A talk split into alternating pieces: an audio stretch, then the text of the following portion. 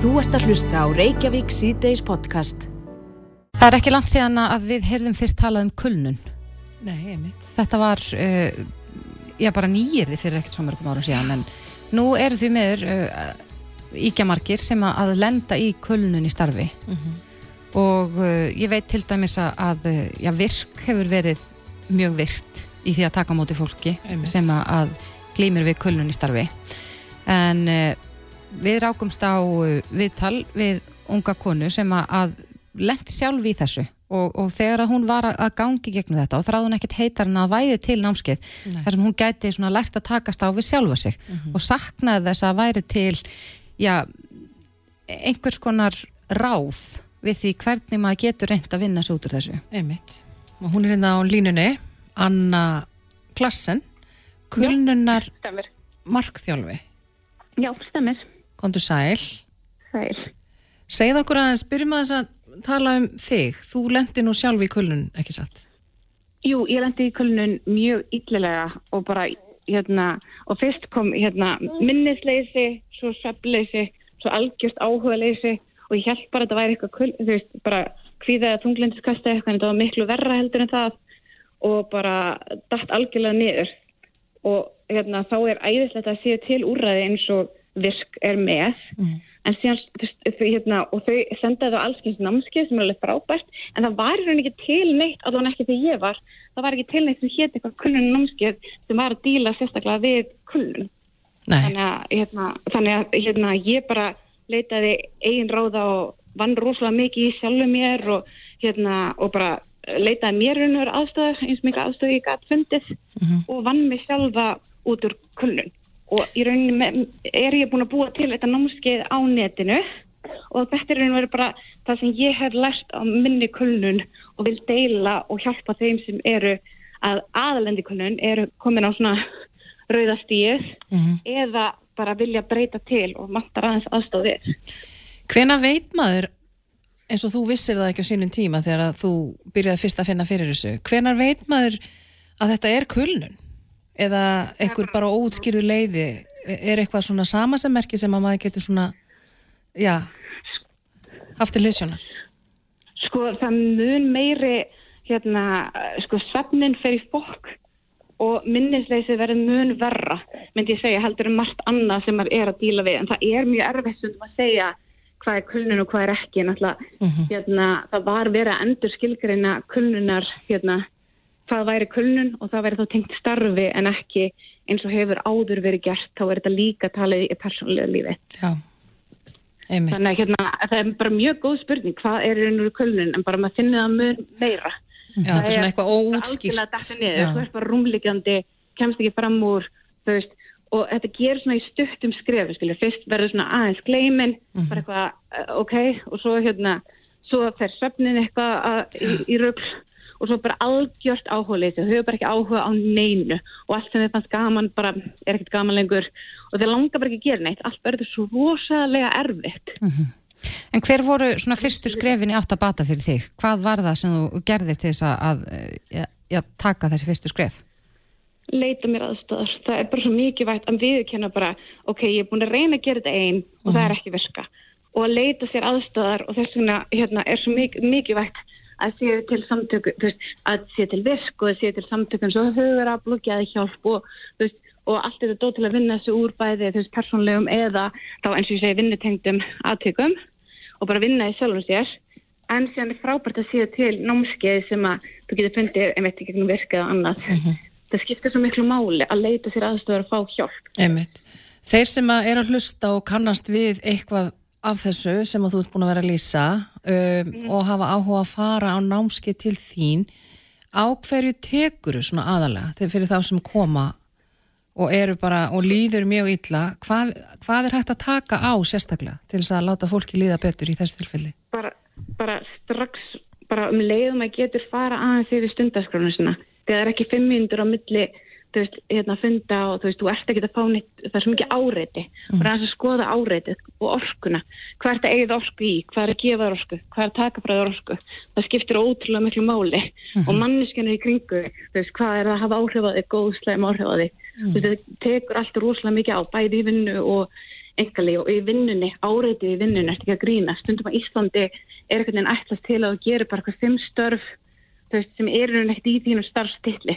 Á kannski Og næstu átta tímum, breyta því. átta sinna kannski. Já, veist, og það er bara svo mikið áreiti og þú náttúrulega alltaf fá, fáir starfsmenn og þú samt tekur á því svaka mikla ábyrg og, hérna, og sérstaklega líka kulnunni mjög algengi umvinnunastörfum Mm. þannig að það er svo indislegt fólk sem er að passa upp á aðra en þá bara gleyma stundum að passa upp á sjálfan sig þannig að hlúa að sjálfan sér líta dagskruna, hvað er að gefa mörgu hvað er að taka fyrir mörgu þú veist, bara aðeins að skoða sjálfan sig og sín mörg Já, við megum hafa mörg, við megum segja nei Þannig að Við þetta er kannski megum samspil, hægt að harka af okkur líka sko.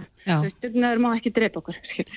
þannig að þetta er samspil á milli í rauninni hversu mikið er að gera hjá þér í vinnunni, hvað sem sett ánað eða ánaður og svo allt stressi sem tekur við kannski hjá þessu fólki eftir vinnu. Þannig að áreitið er kannski bara, það springur bara, það síður upp úr. Er það ekki líka að hafa áhrif á? Algjörlega. Bara, þetta get, get, get ekki líst þessu betur. Og þú veist, þess vegna er svo mikið vægt að finna eitthvað jafnvægi, þú veist, fyrir þig allavega, bara hvernig getur hlúa að þér? Einmitt. þú veist, og maður veit alveg það er ógeðslega mikið stress og maður er, þú veist, í vinnu og svo er maður með fjölskyldu og svo er maður alls konar annað skóla eða annað. Og svo er það þriðið að vaktinn hjá fólki, fóreldrum og... en, en, en bara þú veist, að finna þessi litlu augnablík á milli til að hlúa þér ekki gleyma þér, Já. þú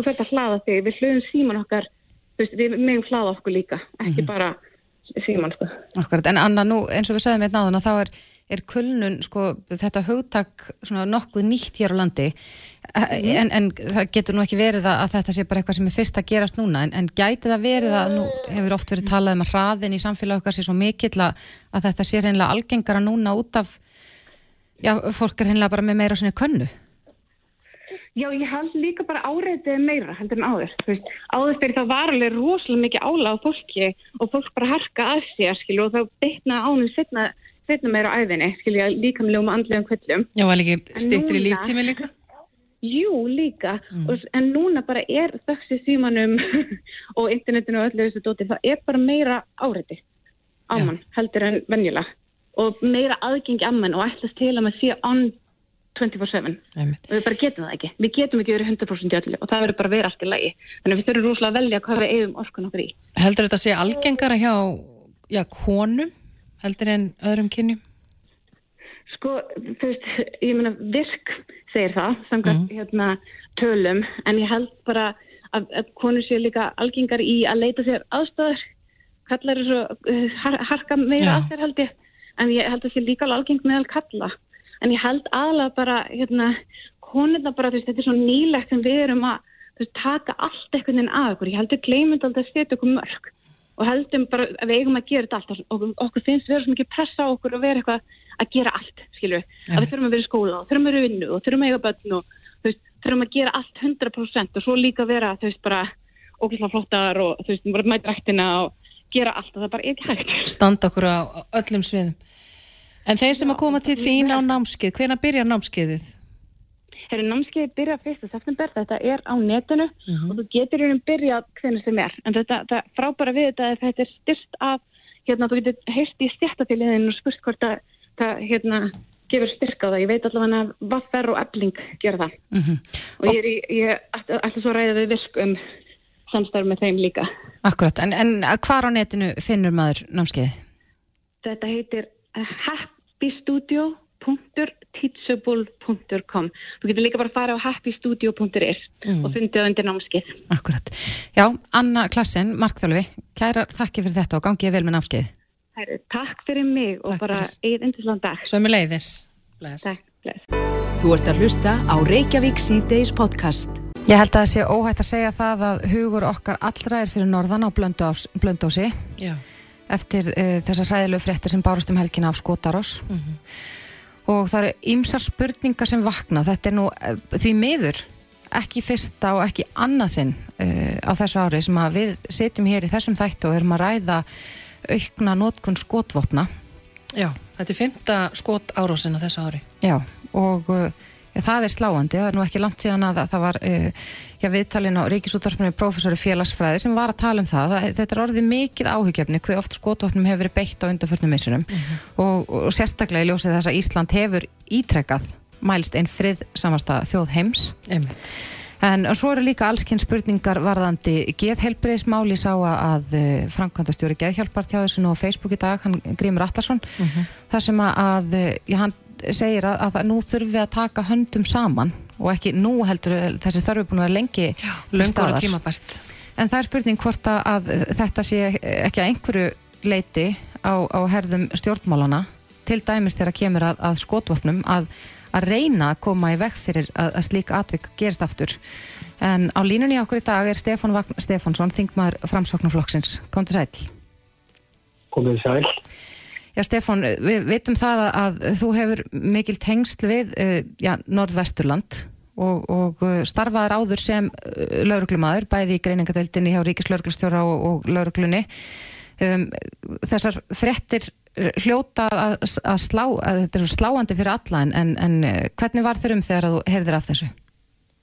Að þetta náttúrulega bara er ó- ótrúlegt og maður trúði þess ekki þegar maður heyrði þessa frettir fyrst og, og ég vil nú bara nota tækifæri og taka undir það sem þið segi hér að þetta er högur maður er hjá íbúum blöndós og, og, og nærsvæðis og, maður, ég vil bara nota þetta tækifæri og votta samú mína til aðstandenda þessa einstaklingar sem er í hlut. Og, og hérna e, þetta er bara sko samfélagi er er náttúrulega bara í, í rúst og, og meðsýn og við erum það öll hér á þessu svæðu og hérna einhvern veginn ímyndaði maður þessi aldrei að þegar maður var hér í vörglunni að maður ekki eftir að upplifa svona atbyrði hér á þessu svæði en mm -hmm. svona sem staðan í dag Já, en, en eins og við komum inn á hérna áðana að þá, uh, já, er það miður að við se- sitjum hér enn og aftur og, og ræðum það að, að já, skot árásir eru orðnar tíðari hér á landi. Er ekki tími til komin að grípa inn í þessa þróun?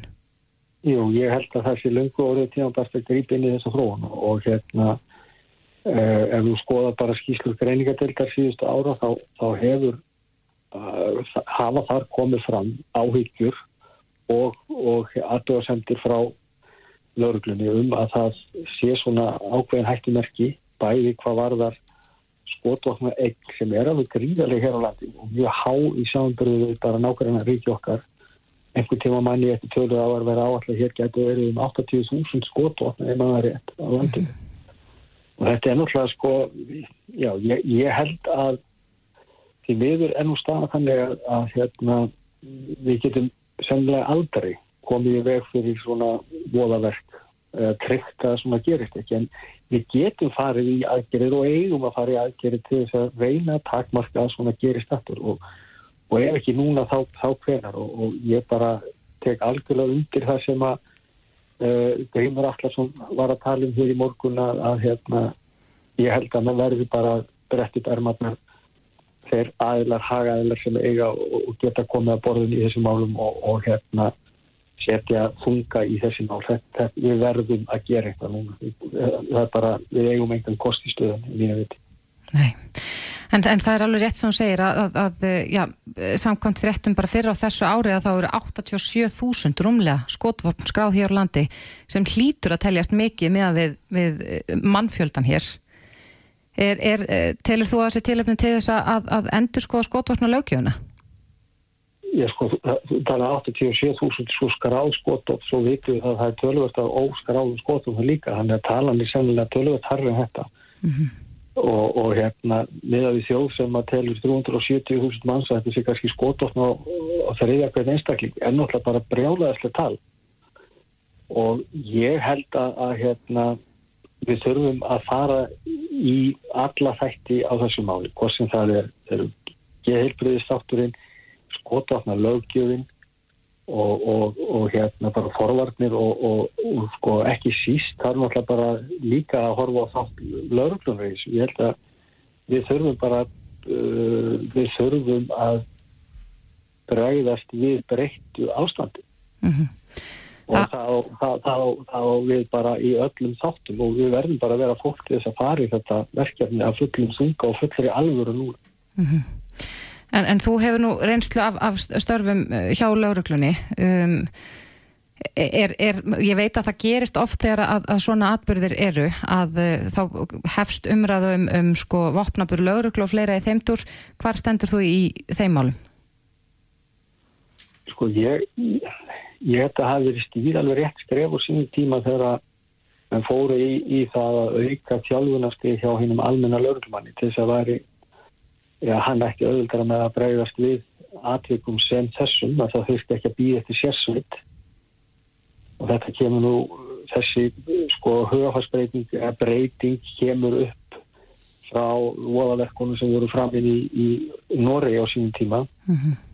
Er að hérna almenna lögurkan beigð og nú er eftir sérsveitinni og, og hérna eins þessum uh, skólaskotarásum sem hafa verið núna mjög víða í Evrópu og, og hérna í Bandaríkjónum þannig að svo þróun að, að þjálfa almenna lauruglumenn betur upp og vopna almenna lauruglumenn aðgengi þeirra vopnum sé betra en var. Það er jákvæð þróum og við höfum að halda áfram á þeirri vegferð. Vandam og lauruglumenn í dag er bara það að það vantar sko, skólagengna lauruglumenn víða út á land. Og þú getur ekki sett skólagengna lauruglumenn í þá stöðu að þurfa að vopnast og fara inn í aðstæða sem þessar Þannig að veist, það er einn ángin sem þarf að, horfa til að, að hérna, við verðum að framlega meira af lörgum. Mm -hmm. Þannig ekki langt síðan að þessu fyrirkomulega var breytt varandi um, lögurglufræðin við Háskólan Akureyri. Ættu við að, að já, epla þetta enn meira og, og, og jafnvel já, hvetja fólk til þess að starfa víðar á landsbyðinni heldur en bara hér á höfbruksvæðinu?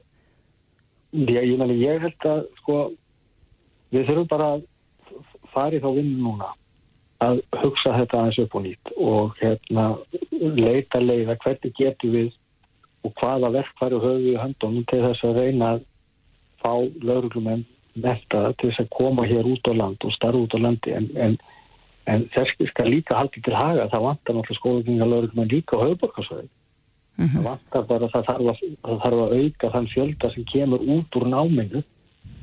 En uh, til þess að, til þess að hérna, fyllist í því gött sem eru hérna út um all land. Þannig að það er eitt hlutin það er eitt hlutin við þurfum að fara í skotofna lögjöfuna það, það, það á ekki að vera og er ekkit svo sem auðvelt að uh, eignast skotofn en, en hérna en það og, og við eigum bara búa þannig um hútan að það sé ekkit hver sem er sem getur eignast slík vopn og, og haft, haft slík vopn undir höndum mm -hmm. það kemur þá aftur að sko öðru, öðrum ánga sem er náttúrulega bara varslan á skotvopnum almennt ég held því miður að sko varsla skotvopna í heima og sem sé oft mjög ábúðavand Er eftirlit með því? Það á að vera eftirlit með því og, ég, uh, og, og ef þú ert átt yfir þrjú skotvopna þá þarfst þú læstan skáp. En þú þarfst þess ekki þú átt eina eða tvær. Og, og ég, ég bara segi, ég held við þurfum bara og séum bara komin á því tímapunkt að við þurfum að fara að hugsa þetta allt frá grunni. Hvernig getum við og með hvaða aðgerðin getum við reynd að lámarka að svona atbyrði gerist aftur í okkar samfélag? Akkurat. og það er bara allt um í því Já, því miður að þá, að þá er þetta staða sem við erum komin í og, og erum ítrekkað að ræða þessa hluti aftur og aftur. Telur þau að, að, að þetta muni vera til umræðinu og þingið, þetta þarf lagabreitingar til þess að hægt sé að knýja fram breytingar í rétt átt. Já, ég bara trú ekki að það en þessir atbyrði sem hafa gerst núna og þessir atbyrði sem hafa gerst á þessu ári, þessi fjöldi þessar skotarásu sem við telli hér upp áðan á þessu ári sem er náttúrulega fordæmulegsi okkur mm -hmm. að það verði til þess að það verði umræðu um þessi mál á alþingi og ef ekki þá mun ég sjálfur kalla eftir henni vegna þess að við verðum að fara yfir þessi mál og, og það, það, ég, ég trú ekki að reyna að félaga minni á alþingi taki undir, undir það með mér. Akkurat. Já, við skulum vona það að uh, við þurfum ekki að setja hérna aftur og, og ræða slík mál en Stefán Vagn Stefánsson, þingmaður framsóknarflokksins, kærar þakki fyrir þetta. Takk fyrir. Þetta er Reykjavík C-Days podcast. Við þekkjum það öll að vera að keira á, á, út á uh, þjóðvegum landsins. Ég keirði ringin núna uh, um Vestlamanhelgina, mm. ringvegin og, og uh, við vorum enda tvö í bílnum sko og ég var oftast ekki bílstjóri en svo fekk ég svona einu svona, svona smá samviskupið yfir hvað ég var búin að hanga mikið bara og vera eitthvað svona að leika mér í símanum og ekkert mikið búin að sinna kerstunni. Var það úrlingur? Já, já, ég var eins og úrlingur bara, já, með tærtnar upp í loft og hafði það gott og, og segi, heyrðu, ég skal nú keira aðeins. Já svo var ég búin að keira í svona 20 myndur þegar ég saði bara, heyrðist að ég, mér er bara frekar illa við að keira vegna þess að ég verð alltaf svolítið svona skelkuð að mæta stórum bílum. Já, ég veit alveg hvernig tilfinning þetta er. flutningabílum til dæmis á, á þessum þröngu vegum. En uh, við vitum það að það eru miklar vöruflutningar um allt land. Já. á, uh, Svona trukkar og, já, og rútur líka út um allt, Já. akkurat, mikið af þeim núna. En við rákumst hérna á, á uh, greinin á morgunblæðinu þar sem að, uh, Stefán Borgar sem að starfar með uh, pappa sínum Mm hjá flutningafyrirtekinu Feðgar á ferð Já.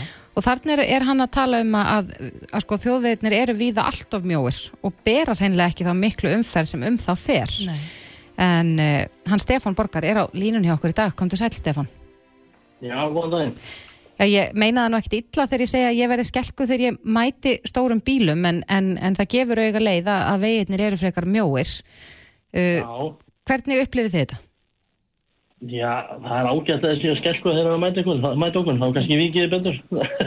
Já, þú meina það.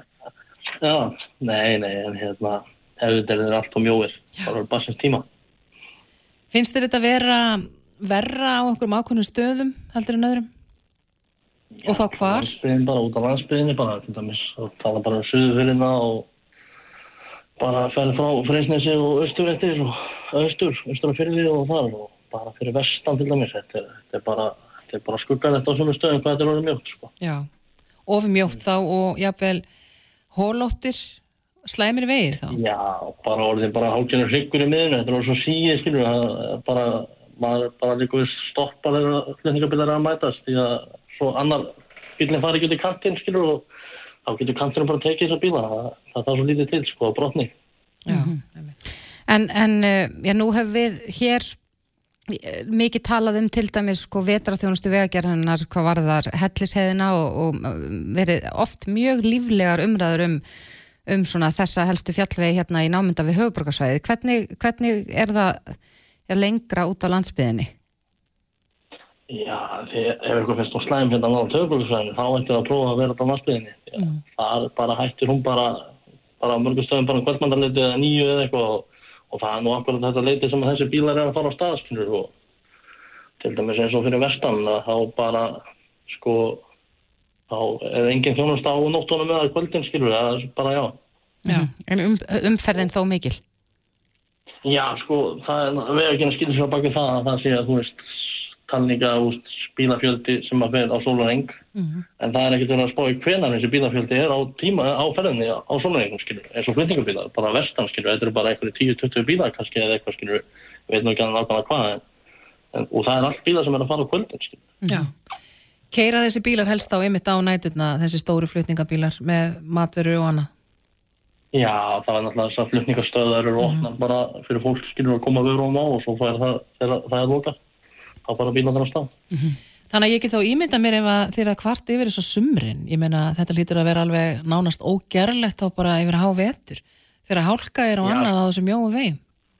Sko ég er ekki gaggrína snjómokstus mennina til dæmis eins og bara til, ef ég tek bara dæmis ákveðnar og hólmaðið skilur þetta eru algjörðu öðlingar og, og allt sem að þeir eru með og er, þú, það er bara stjórnin hjá vegagerðinni skilur að það leifa, leifa þessum kollum ekki aðeins að hafa bremsar hendur með þetta því að þetta eru menni sem er upp á heiðanum og er að móta skilur og hlust ekki meira á þessa kalla Akkurat.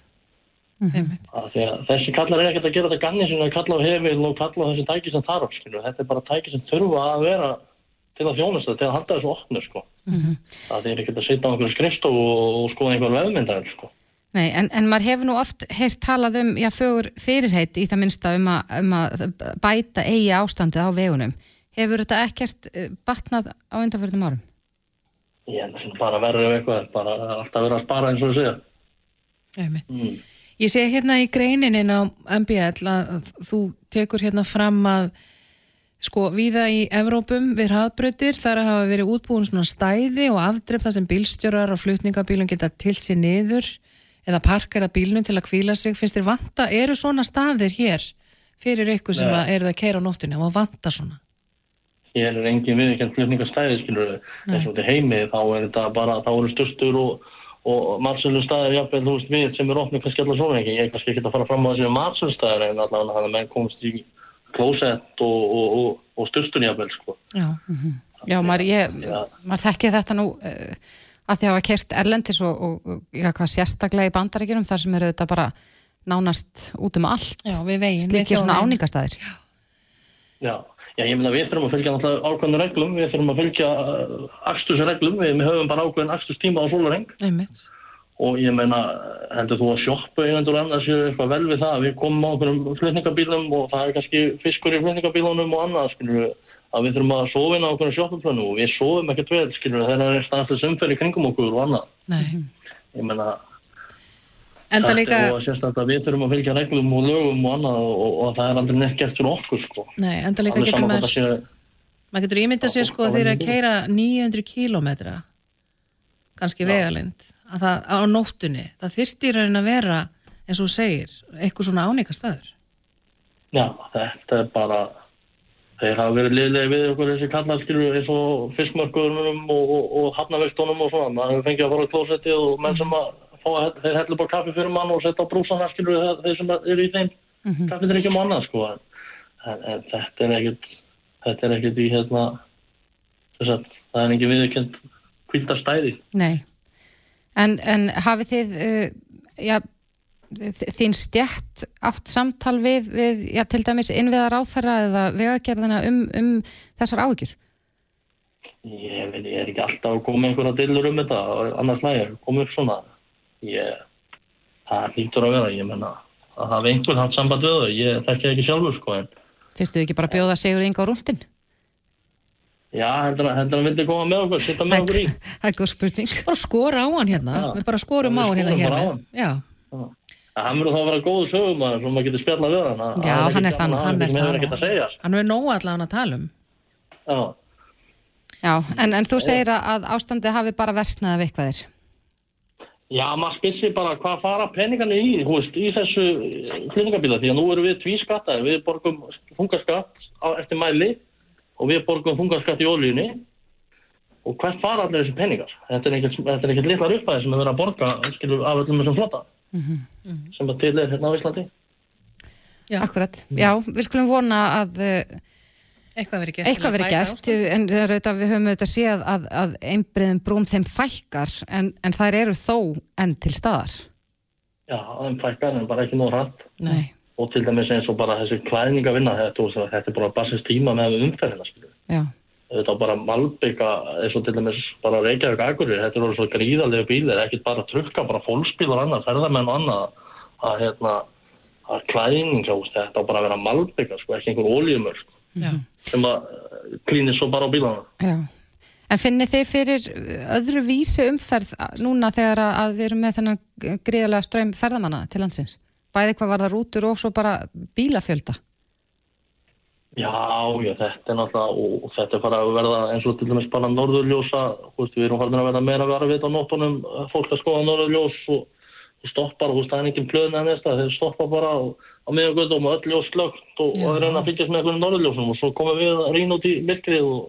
og þið kannski að keira á 100 km hraða jáfnvel Já, en kannski ekki Við komumst hundra. svo hratt, við komumst bara í 90. á 90, ég meinti það. Já, Já, eh, Stefán Borgar hjá Feðgum á ferð. Við þakkum þið kærlega fyrir þetta. Herru, takk sem þess. Þetta er Reykjavík C-Days podcast. Reykjavík sýtis heldur áfram. Nú ætlum við að snú okkur að henni einu sönnu. Sönnu? já, Eða hvað? já, Þetta var nú bara smá leikur orða en uh, já, það hefur vakið gríðarlega mikla aðtegli að uh, fórsetisráþra Finnlands, hún Sanna Marin, hún tók fyrir helgi uh, fíknefnapróf til Já. þess að Sanna hún hafi ekki tekin einn eiturlif síðustu daga eftir að myndbönd af henni fór í dreifingu í síðustu viku þar sem hún sást dansa í heima samkvæmi en, en andstæðingar sönnu á þinginu já, hafa sakað hana um að hafa verið á eiturlifum þegar myndbandi var tekið. já. Hún hefur auðvitað uh, neita því staðfastlega. já ki- uh, niðurstöð- niðurstöðurnar þær koma úr prófunu hvað síðar í vikunni Nei, það kom í dag. Þær í dag? Já, já, já, það kom í dag og, og niðurstöðuna sína að hún hafi bara alls ekki tekin einn eiturlif. En Já, þetta hefur já. vakið greiðlega mikla umfjöllur um það sko, já, hvers vegna hún er ung og hvort hún með ekki nú leika sér líka þó hún gegni þessu mikilvæga embætti í Finnlandi og fjöldi fólks hefur sínt henni stuðning eftir að þetta myndband fór í dreifingu Já. en, en það er verið að nota millumerkið eh, Solidarity with Sanna sem er bara samstað með sönnu þar sem fólk er að, að eh, já, byrta myndbundar sem er að dansa Já, er þetta ekki konur aðalega? aðalega konur, jú. En talandi um konur, þá er á línni hjá okkur, kona nokkur, Þorbjörg Sigriður Gunnlaugsdóttir, þingmaður viðreistnar, kom til sæl. Já, hæ hæ. Já, þú hefur fylst með, með þessum fréttum, Þorbjörg. Hvernig slæri það þig að, að sjá hvernig, já, kannski farið er með hana í, í eh, umfjöllun? Mér hefur fundist mjög merkilegt að fylgjast með þessu. Við kennaðum kannski að ég hef ekki verið að, að lúslesa þessa fréttir en hérna finnst þetta nú kannski bara í grunninn vera svona heimsfrétt af algjöru platnixli um, fréttinu eins og fyrir að segja um, um það að hérna fórsetisráðarinn í Finnlandi hafi í heimahúsi og samkvæmi verið að skemmta sér. Um, myndum að segja við værum kannski bara svona frekar góðum stað uh, í stjórnmálunum á heimsvísu ef þetta væri nexlinn Mm Eh, þannig að það er kannski, kannski alveg það. En svo fór ég nú bara því ég heyrði í þér áðan að googla og, og, og skoða eins og þá en þetta er, þetta er virðist vera frétt sem hefur eh, verið sögð um allan heim Akkurat. af því að, að finnski fórsetisráþrann sem var eh, sá yngst en skilst í heiminum þegar hún tók við 2019 Mm einhvern veginn eh, í varnarstöðu vegna þessa og hérna sá að það voru fulltrúar í stjórnarafstöðinu og þinginu sem að kröðust þess að eða lögðu til eða kröðust að hún færi í, í próf í kjálfari. Pólitísk kannski sýnir þetta manni dálítið að það eru svona það eru vel alltaf atbyrðis eða einhver svona atvik frekar en kannski stóru sko pólitísku línutnar eða stefnumálum sem að verða svona, að, e, svona þungri ágif fyrir flokka og, og leiðtóðana en ég myndi nú kannski hérna, ég held að þeir ekki að horfa fram hjá því að, að, að hún er þarna fórsetið þeirra kona mjög ung og að ég finnst ábrendi góður dansari. Já, maður sá það nú í þessu myndbandi.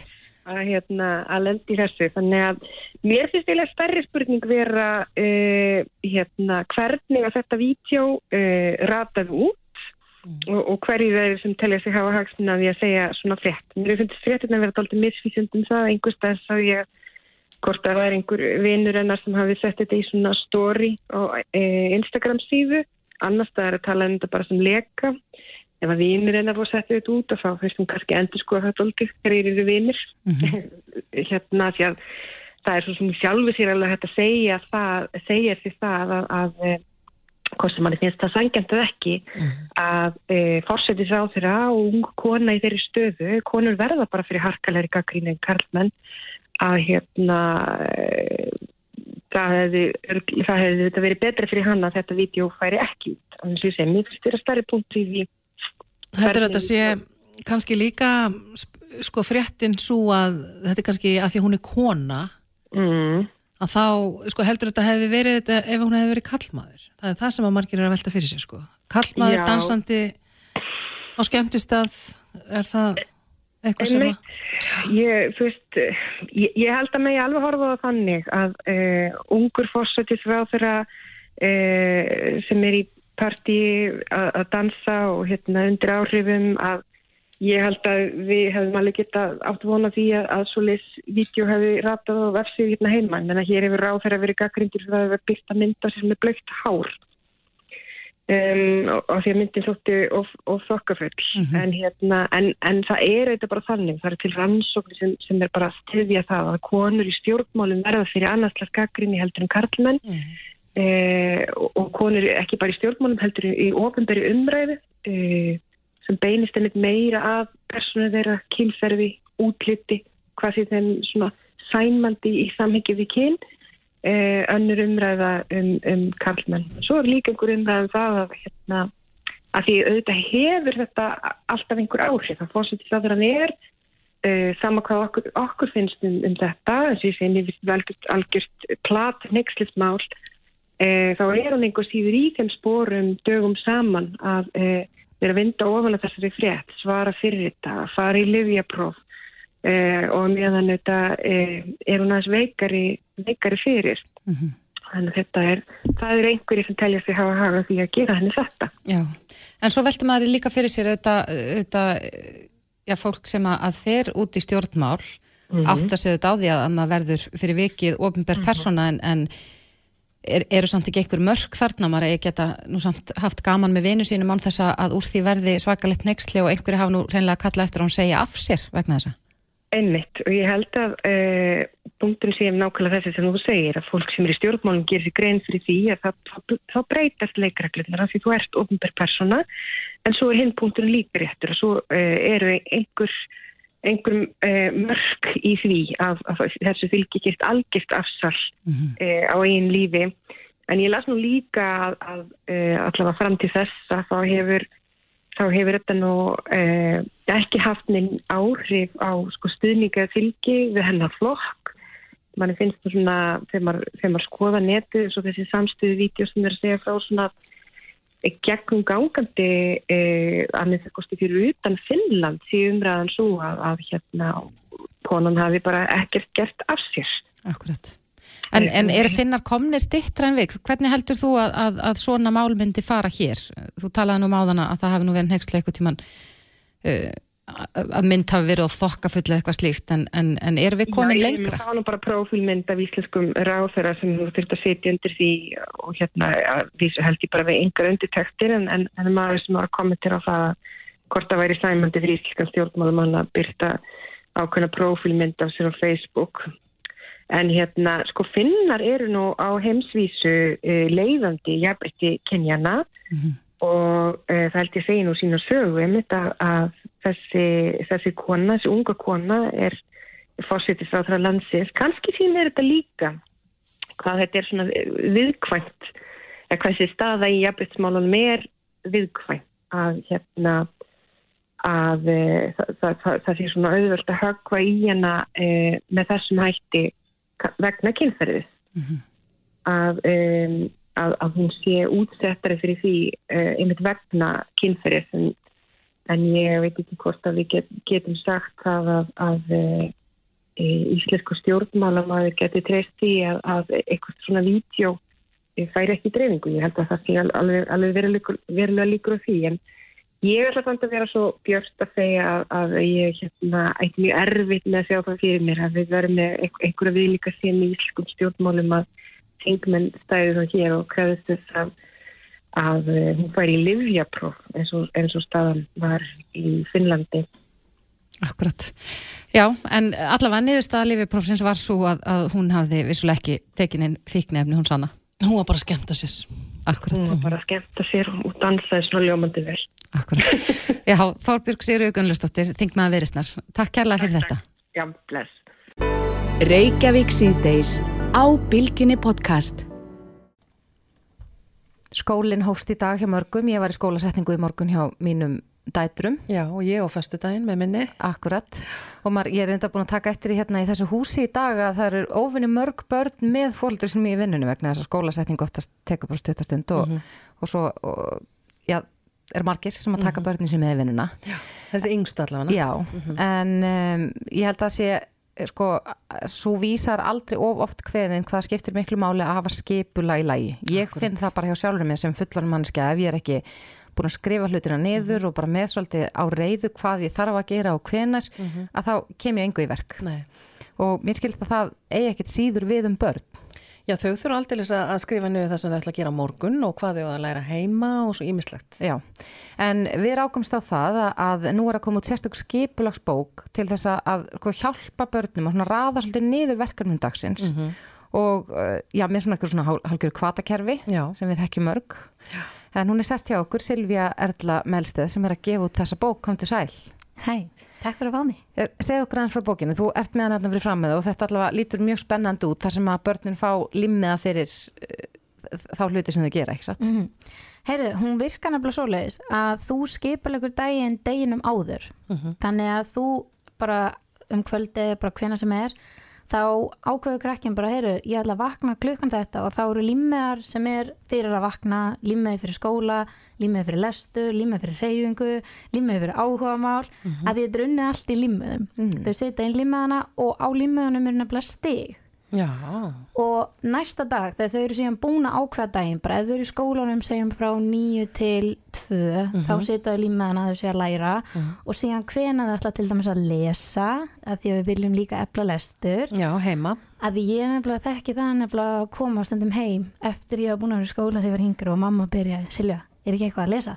Mhm. Það ert ekki að læra eitthvað? Þá var maður svona svolítið þreyttur að fara eitthvað að setjast aftur niður og byrja að lesa. Já. það var mjög gaman að maður getur fengið bara ákveðan sjálfur. Þá veit maður bara ok, heyrðu, ég var búin að ákveða, ég ætla að lesa klukkan 5 til þess að fá 10 stig, eitthvað svona þannig. Og síðan næsta dag, þá ferði yfir hann að dótið hvort þú fylgdir þessu. Þá daginn e- áður þannig þú veist, þú ákveður daginn já, og síðan ferði yfir, heyrðu, fylgdi ég þessu sem ég var búin að ákveða? Og þá segjum þú vaknaði kannski, þú ákveðast að vakna klán 7 en þú vaknaði klán 8 þá ferðu bara 0 stig, Mhm. ekki þessi 10 stig sem er alltaf læg, að þetta snýst bara um að gera betur næst Og sér, þau eru að safna sér stigum í rauninni. Já, og síðan er bara hægt að næla sér þessu aukastig Já. sem þau geta fengið og þau geta fengið þau með þessum gömlu góðu kildum Mm. og það er með að rósa sjálfum sér, rósa öðrum, hjálpa til heima, vera jákvæð og sína öðrum góða vináttu og þau geta fengið aukastig fyrir minni skjánótkun.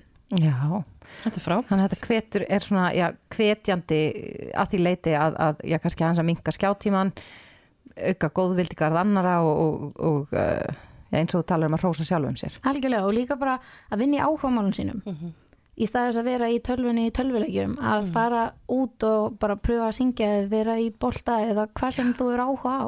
Já, fara á æfingar og hana. algjörlega. Þannig að það getur líka verið svona hvetjandi þá fyrir barnið að safna sem flestum stigum og kannski miða kannski við að þau nái 40 stigum eða 10 eða hvað sem þetta er og þá geta fóreldrar gefið smá velun eða hvað sem að kannski sko. líka hvetur þau áfram. Já, þau sko ákveða þau gera samning með fóreldrar sínum hvaða verðlun þau fá eftir þetta 20 þetta átak og þessi verðlun þurfa ekki að kosta neitt. Nei, Þetta bara samveru til dæmis. Nákvæmlega, Já. þetta getur verið bara bíokvöld heima, þetta getur verið göngutúr, þetta getur verið að fara í fótbolta með ykkur um skiljið. Baka saman. Algjörlega, bara eitthvað svona skemmtilegt sem brýtur upp á daginn. Já. En til þess að gera þetta enn meira spennandi og skemmtilegt fyrir krakka, Já. þá ákveðum við líka að hafa keppn á milli skóla. Já. Þannig heildastígin sem þau eru búin að, þau eru búin að reikna A, B og C dálkin, þá eru svona heildastíg, þar setja þau þessi stig inn á MBL, skástrík skiplarsbókin, þar setja þau sín stig og síðan eftir 20 daga þá munum við tilkynna hvað skóli skiplaðist skólinn sko. Já, já, þannig Það að, er hvetjandi. mjög hvetjandi, maður veit að það er nú oft svona smá ríkur á milli skóla á þessum aldri. Já, þetta er líka bara til þess að hafa þetta svolítið skemmtilegt sko. en fyrst og fremst nýst þetta bara um það að keppa sjálfa sig og bara að hafa gaman að þessu Já. og taka þátt og vera með. Þetta er eins og í bókinni á síðustu blæsinu þá segir einmitt Orjó, hann vinnur ekki í Þetta hver er Oreo? Orjó er hundurum minn. Já, og þetta bókin er sko byggt út frá honum. Hann er minn partnerinn kræm í skóla.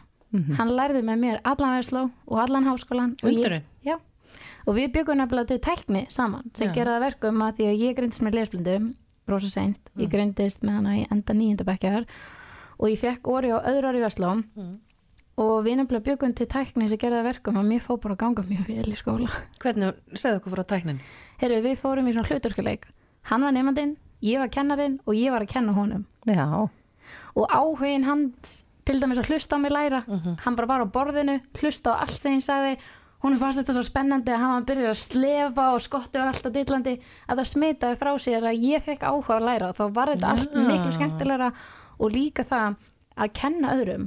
Maður myndar svo miklu betri og dýpri skilning við efnið. Ég bara meira þess að það bara segja það uppátt. Ég man þegar ég var í háskóla þá satt ég oft einn bara með sjálfur mér, átti engan hund til þess að tala við. Og, og las reynilega upp heilu bækurnar. Bara að segja það uppátt, það er eins og það bara festist betur. Það hjálpa stundum að, að tala upphátt. algjörlega, Þó þú sért ein eða með hund eða algjörlega Það, hérna, já, það er eins og það límist meira í, í hausunum. Mm sko. Ég nefnilega er búin að halda fyrirlæstur bara í flest öllum skólum á landinu um, fyrir, um lesblindu og svona um þrautsu og hvetja krakkan áfram að þau geta allt sem það ætla sér þó þau séu lesblind og áhugin sko sem þau hafa svo mikið þau hafa svo mikið áhuga á Oreo á þessum fyrirlæsturi akkurat. Þannig það er rosa margar spurningar um hann sko. Hvern, hvernig tegund af hundi er þetta? Herru, hann er Pomeranian. En, en nú veit maður það að, að já, vandamálin, svona innan gæsaleppa, er nú algjörlega mismunandi milli batna.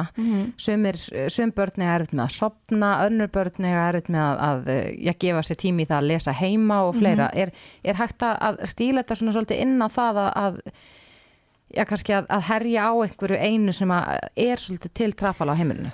Algjörlega, þau geta þá bara notað uh, þá límiða eins og ef þau vilja efla lestur eða svoleiðis, þá geta þau sett bara tvo límiða af þau ætla að lesa tvisum með daginn.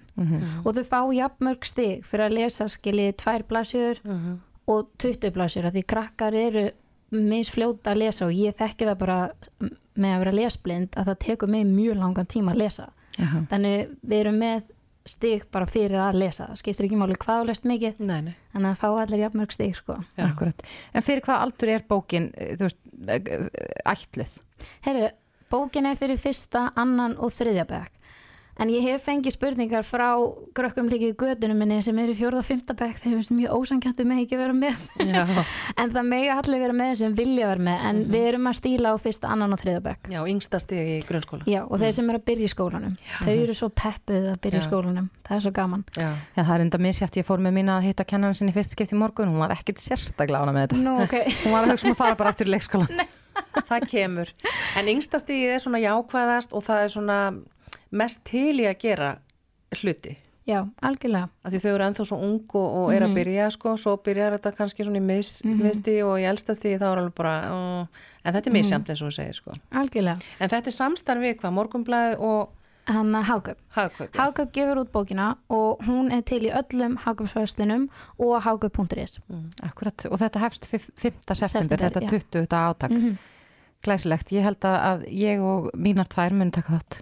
Æðislegt. Silvía Erla Melstedt, kæra þakki fyrir komuna. Takk hérlega fyrir mig. Hlustaðu hvena sem er á Reykjavík C-Days podcast.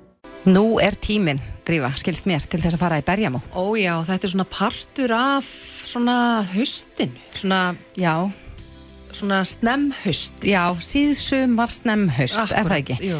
Og uh, ég reyndar, ég verða veikinn það, ég hef ekki farið í berjamó bara sinni ég var barn. Er það? Ég fer að hverju hausti. Já, hvert ferði? Ég fer nú bara víða, svona við suðvestur hornið Já. á leiðinni austur, mm -hmm. þingvell á þar. Akkurat. Það er tölumest að svona aðalblábyrjum. Já. Ég ætla ekki að segja hvaða stað ég fer á. Nei, mér finnst þetta Ég að ætla að vera eiga hennar lenskan. stað. Lenskana, að vilja ekki gefa upp hvar bestu berin eru. En það er svona yfirleitt það sem er ling og svona mosi og hraun. Þar eru þau. Þar eru þið. En það er spurning, nú vorum við nú að tala hérna við, við uh, kartöflubónda í þykkvabændaginn Já. og það var, voru nú ekki sérstaklega bjartar horfur hvað kartöfluna var þar út af að það hafi verið svo mikið nætur frost. Einmitt. En, en það er spurning hvort að veðurfarið í sumar hafi ykkur áhrif á berin. Mm, á línunni hjá okkur í dag er hann Bjarni Óskarsson á Völlum í Svarfaðadal. Komdu sæl. Já, sæl. Já, Bjarni, hvernig, hvernig lítur uh, já, síð sumar uh, uppskeran út?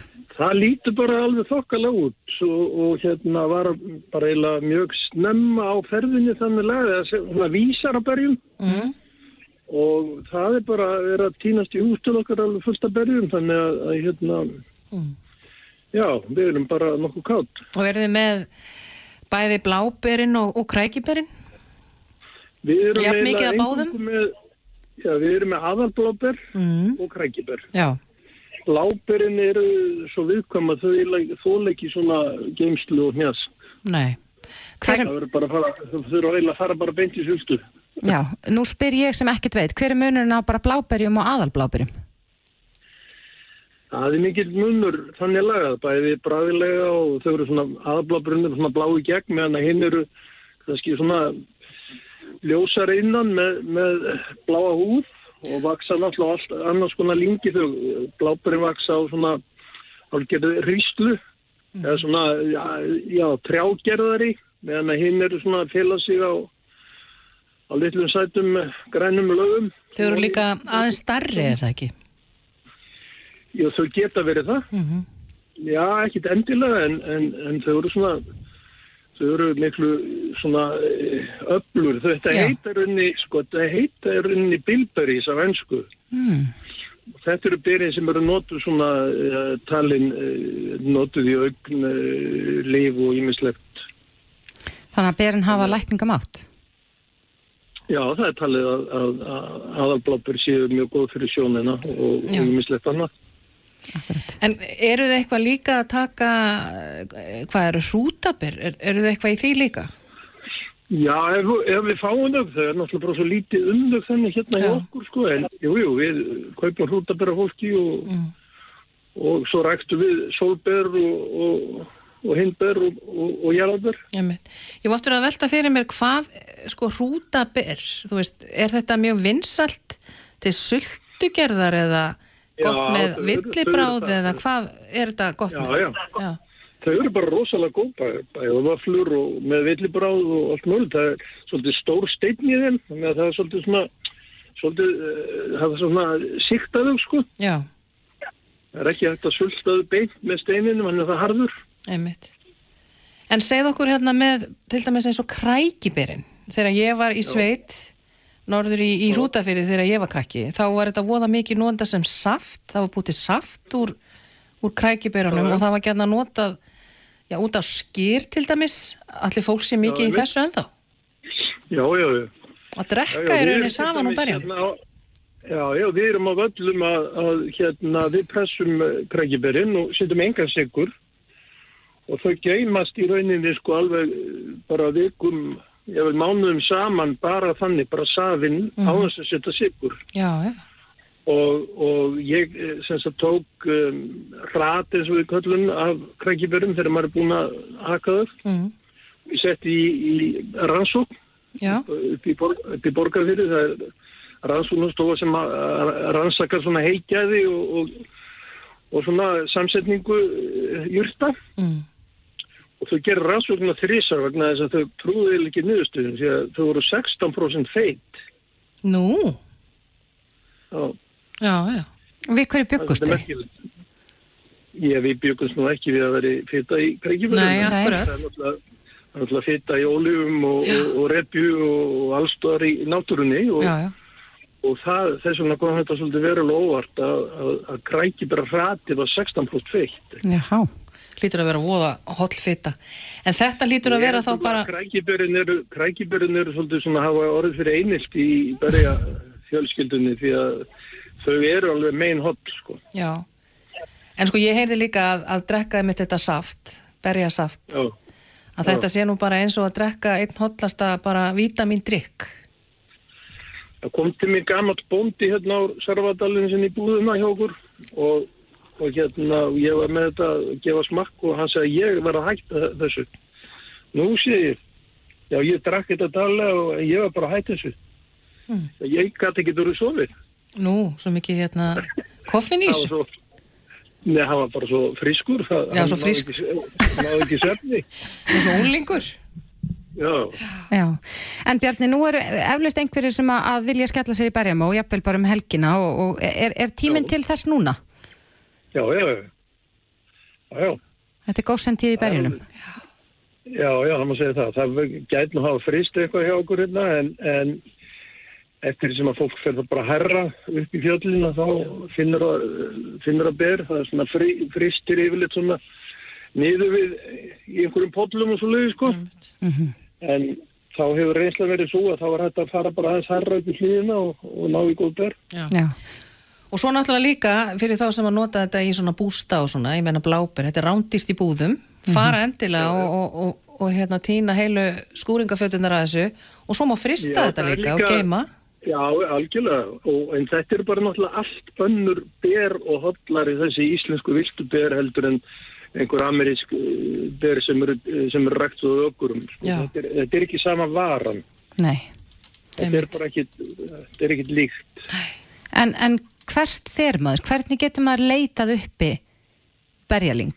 Það er hægt að bara eh, spyrja bændur hvort að uh, megi tína ber og ef það er í, í, í enga landi en annars er náttúrulega víða uh, eru land sem að tilhæra bæjarfélögum og svo svo þá má fólk bara fara þar. Já. Ná sér í góða svona berjatýnslu og, og skúringafötu og drífa sér að stað. Með fjölskyldinni. Já, nákvæmlega. Er til eitthvað betra? Það er ekki til neitt að og svo voru við líka, þeir sem að komast ekki bera, þá voru við að selja ber Já, já, svo er Akkurat. þetta. kaupum, kaup, kaupum bera fólki og, og, og seljum það áfram bökum þeim og seljum Já. En eins og segir, þessi íslensku viltu töluvert hollari og bræðbetri heldur en, en uh, þessi sem við kaupum í verslunum. Já, já, miklu, miklu Já. Já, þetta er skemmtilegt. Bjarni Óskarsson uh, á völlum í Svarfaðadal. Við þakkum þér kærlega Já. fyrir. Já, takk sem leiðis Reykjavík síðdeis á Bilginni podcast.